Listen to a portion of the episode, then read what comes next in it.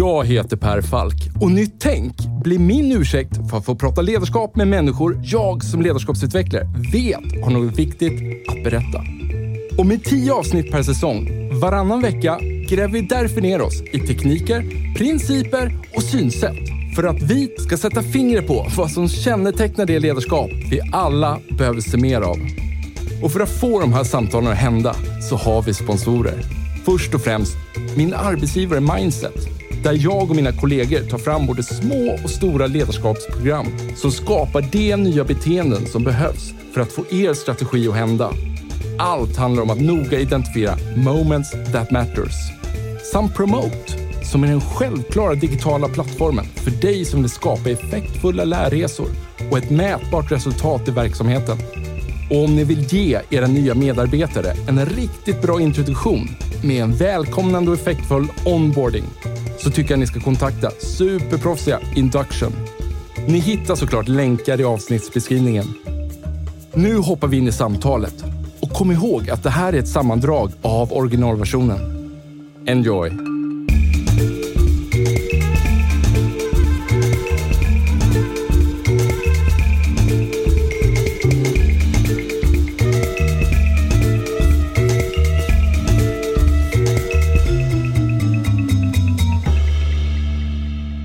Vi gjorde ett eh, jättebra avsnitt med eh, Anna Rydbacken där Ja. vi pratade om fördomsfri rekrytering och förde resonemang kring det här. Roligt. Men det var en sak som vi aldrig riktigt lyckades reda ut under det här avsnittet. Och det var så att hon kunde konstatera att kvinnor överlag ryggar tillbaks på ordvalet lagspelare i en rekryteringsannons. Medan män verkar gå igång lite mer på det. Och, men så här, och, och, Tyvärr kunde hon inte säga varför det var så. Hon kunde bara säga att så är det. Det vet vi genom liksom, forskning eller mätningar. Och jag kan inte tänka mig en bättre person än du Caroline för att ge oss kanske en känsla vad det här handlar om. Ska vi lyssna på henne först? Gör det. Men också i när, framförallt när man beskriver personliga egenskaper, vilka som krävs. Att vi gärna slänger oss med lite floskler där fortfarande. Man ska vara eh, lagspelare till exempel. Det vet vi att det attraherar mer män än kvinnor. Och vad man oftast är ute efter är ju snarare att man ska kunna samarbeta bra. Eller team, att vi använder eh, rätt ord där för att inte utesluta Hur uppfattar kvinnor den frasen, tror du?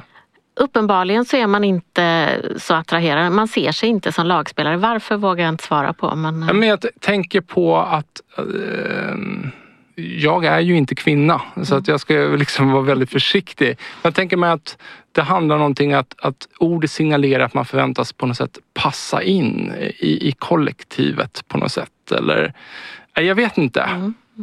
Nej, den slutsatsen vågar inte jag heller Nej. dra. Vad är det jag och Anna inte förstår här? Jag kan ju bara reflektera till min egen erfarenhet. Ehm, och eh, när jag som man i näringslivet eh, hörde uttrycket ja, men var en lagspelare nu. Vad tolkade jag in i det? För jag ryggade tillbaka mot det redan som man.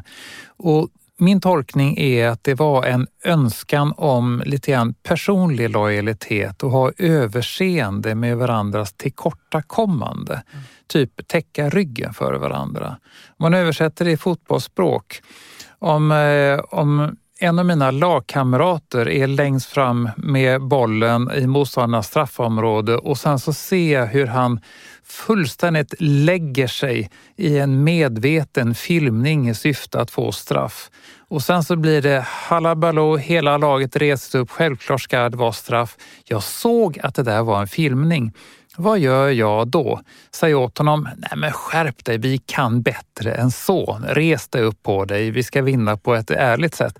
Eller ska jag spela med och vara upprörd och hoppas vi får straff för att vara en i laget? Men varför går kvinnor i större utsträckning emot det då, än män? Alltså, vad, ja, Jag, eh, jag, ehm, jag värjer mig för stereotyper ja, därför att då kan man eh, få förutfattade meningar.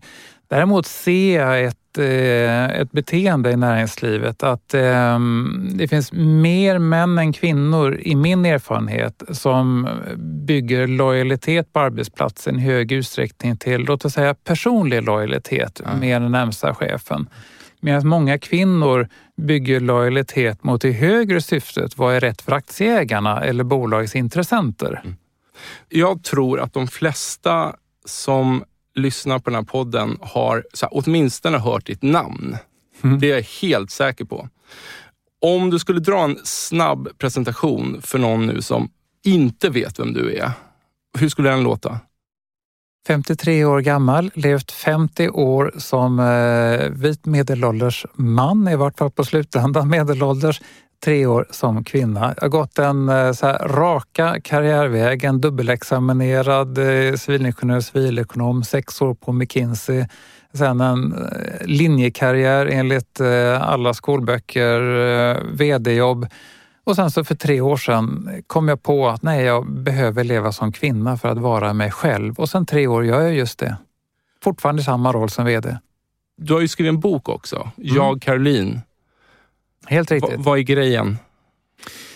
Jag har ju blivit intervjuad i flera sammanhang kring min livsresa och mina budskap, men det blir ju alltid på något sätt avkortat för att passa det mediets format. Så jag ville ha ett medium för att få ut hela min story kring vilken resa jag har gått igenom, men också vad är ett medskick till varför jag tror att vårt näringsliv kan bli så mycket mer framgångsrikt mm. med ett inkluderande ledarskap. Mm. Jag vill ju höra mer om dina reflektioner kring ledarskap mm. från ditt unika perspektiv. Jag tror mm. väl att din resa har gjort att du behövt reflektera mycket, mm. både privat och professionellt. Så att jag vill höra om de här ja. observationerna och sen vill jag ju såklart höra om hur du omsätter det här i praktiken mm. som VD i din organisation. Ja, absolut. Om vi bara hoppar över till inkluderande ledarskap ja. och så tar vi samma fråga där. Vad finns det för myter? Ja, jag kan ju bara titta till mig själv hur jag mm, nu reflekterar på mitt eh, ledarskap och hur jag eh, arbetade som man. Eh, bakåt i tiden så eh, upplevde jag nog att jag var en ledare som ville inkludera alla och, och lyssna på alla. Men jag var nog inte så reflekterad över om jag verkligen gjorde det utan jag hade nog en ganska hög självsäkerhet och kaxighet. Jag såg ut som alla andra vita medelålders män. Mörk kostym, eh, ljusblå skjorta, eh, lite översta knappen uppknäppt, eh, kortklippt, välrakad men lite hård, tydlig blick. Jag kunde nog framstå som något otillgänglig för personer som inte var av min sort och kanske många kvinnor. Och det kanske upplevdes att man måste liksom vara välpolerad och kunna sina siffror om man ska komma med någon idé till mig, inte komma med några halvfärdiga tankar. För jag var kanske lite krass i hur jag resonerade kring saker och ting också.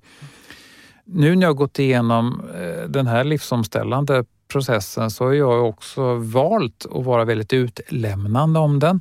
Jag har i olika medier och på olika sätt valt att eh, lämna ut eh,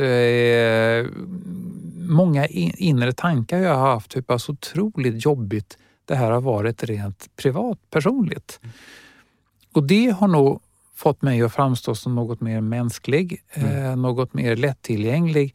Så jag känner ju att personer som är av en annan sort, inte de här Excel-personerna, har jag fått lättare att få kontakt med och de kommer lättare till mig och det berikar ju mig för då får jag ta del av deras tankar på ett bättre sätt och jag får lättare tillgång till hela kompetensbasen. Så att jag, samtidigt som jag, jag kan ju när jag vill prata Excel-ark, eh, förmågan har inte försvunnit. Eh, det var att insikten har blivit bredare. Nu i eftertankens kranka blekhet så inser jag att jag var inte en inkluderande ledare. Jag bara inbillade mig eller, eller trodde det. Så här är det. Mångfald innebär att du rekryterar och bemannar en organisation med personer som är av olika sorter, olika bakgrund, olika infallsvinklar och olika erfarenheter. Men det är bara början. Det finns en del som kanske faller i fällan. Jag gjorde, följde den fällan innan att jag trodde att men då är vi ju klara för då kan vi visa upp en fin statistik i olika pajdiagram eh, och annat. Men vi reflekterar inte hur vi tillvaratog den här kompetensen. Inkludering handlar om att ta tillvara på mångfalden. Och då måste vi arbeta med kulturen på bolaget. Vilka sociala strukturer har vi? Hur beter vi oss? Hur bemannar vi ledningsgrupper? Vem har de inflytelserika positionerna? Vem får komma till tals? Vem har möjlighet att påverka? Vi som är i beslutsfattande positioner, vilka tar vi intryck ifrån? Mm. Aktiv lyssning för mig innebär att på allvar försöka följa med, inte bara genom att eh, höra utan att lyssna för att förstå eh, vad en annan person säger. Och eh, om någon håller en framställning på en ledningsgrupp lyssnar jag för att artigt pricka av, men egentligen har jag redan en egen åsikt. Eller lyssnar jag för att eh, tänka, hmm, jag kanske kan utveckla mina egna tankesätt. Kan jag återge det här för någon annan? Så ja, mitt trick, mitt hack är att eh, på ledningskursmöten där jag själv är en deltagare ja. så sitter jag själv och för anteckningar vad andra säger Mest för att jag själv måste tvinga mig att så här, syntetisera. Vad är syntesen av vad den mm. personen själv har sagt? Du pratar om din ledningsgrupp här och, och det arbete ni har gjort där. Um, jag har hört en berättelse av dig tidigare där du berättade att en kvinna tog kontakt med dig ja. efteråt. Nej, men så här var det och det var det som var ögonöppnaren och det var direkt efter mitt sommarprat för två år sedan då en kvinna skickade ett sms till mig. Hon hade arbetat i min ledningsgrupp för, ja, idag är det väl kanske sju år sedan. Och eh, hon sa så här, vad bra att du visar lite sårbarhet och reflektion för nu vågar jag berätta för dig att din ledningsgrupp var faktiskt en av de mest manliga och exkluderande jag någonsin har varit med i. Och det tog mig hårt. Jag hade dessförinnan en självbild om att eh, det är nog andras problem jag pratar om. Jag har väl aldrig varit ett problem. Jag insåg att jag hade faktiskt varit en del av problemet själv. Vad tror du var hon reagerade på där och då? Det var precis det jag pratade om innan, att eh, jag var så kaxig och styv i korken och pekade med hela handen och eh, med, med, hur jag ville ha saker och ting och jag släppte fram och bekräftade personer runt omkring mig som tyckte som jag och därigenom förstärkte mig. Mm. Så att vi framstod som ett eh, svårpenetrerbart team där, eh, där hon kände sig annorlunda och fick inte komma till sin rätt. Och min jobbiga insikt var att där och då upplevde jag att jag var en jämställd ledare. Jag tyckte att jag hade prickat av, jag hade många enskilda samtal med henne och eh, att jag hade liksom sett henne på olika sätt. Men nu inser jag att det hade jag inte alls och jag var också ledsen över varför fick jag inte höra det innan. Men jag insåg ju också efter ett tag att jag var nog inte mogen att lyssna på det, för jag var så självsäker och styv i korken själv. För att jag menar, det har ju gått så bra för mig hittills, så varför ska jag behöva reflektera över mitt ledarskap då? Du har flera gånger här tagit upp dina Excel-ark. Mm. Du gillar det, att du har lätt för det, att du eh, kommunicerar lätt med andra människor som kanske tycker det också. Hur ser din personlighet ut? Ja, om man tar såna här, äh, färger på modeller så är jag nog ganska blå på så sätt att jag är i min så att säga, eh, naturliga hemvist. Eh, jag har Ja, väldigt snabbt för att så strukturera upp och kategorisera komplexa situationer och tänka i modeller och ramverk och försöka översätta saker och ting i, eh, i, eh, i slutändan kronor och ören.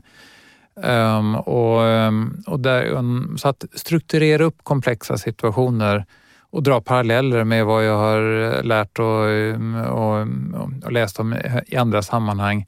Sen inser jag att det finns rätt mycket så här mjuk materia runt omkring där, där jag behöver vara öppen och ta nya intryck och omge mig utav rådgivare som kan komplettera mig så att jag får en 360 graders bild innan jag bestämmer mig vad jag tycker på allvar. Finns det fortfarande saker inom dig som riskerar att missförstås av omgivningen? Nej, men alltså nu, nu jobbar jag i en väldigt stabil omgivning. Eh, vi har, ju, vi har inte förändrat min, min ledningsgrupp nämnvärt eh, de, de åren eh, det, som har gått här så att vi känner nog varandra väldigt bra.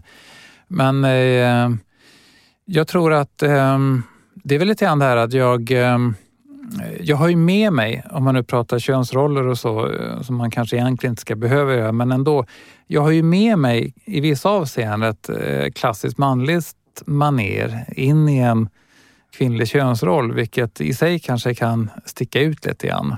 Ta plats, eh, är orädd, eh, mm. väljer att vara ganska markant i min eh, framtoning ibland när jag starkt tror på någonting. Och, men det är, ju, det är ju så jag är.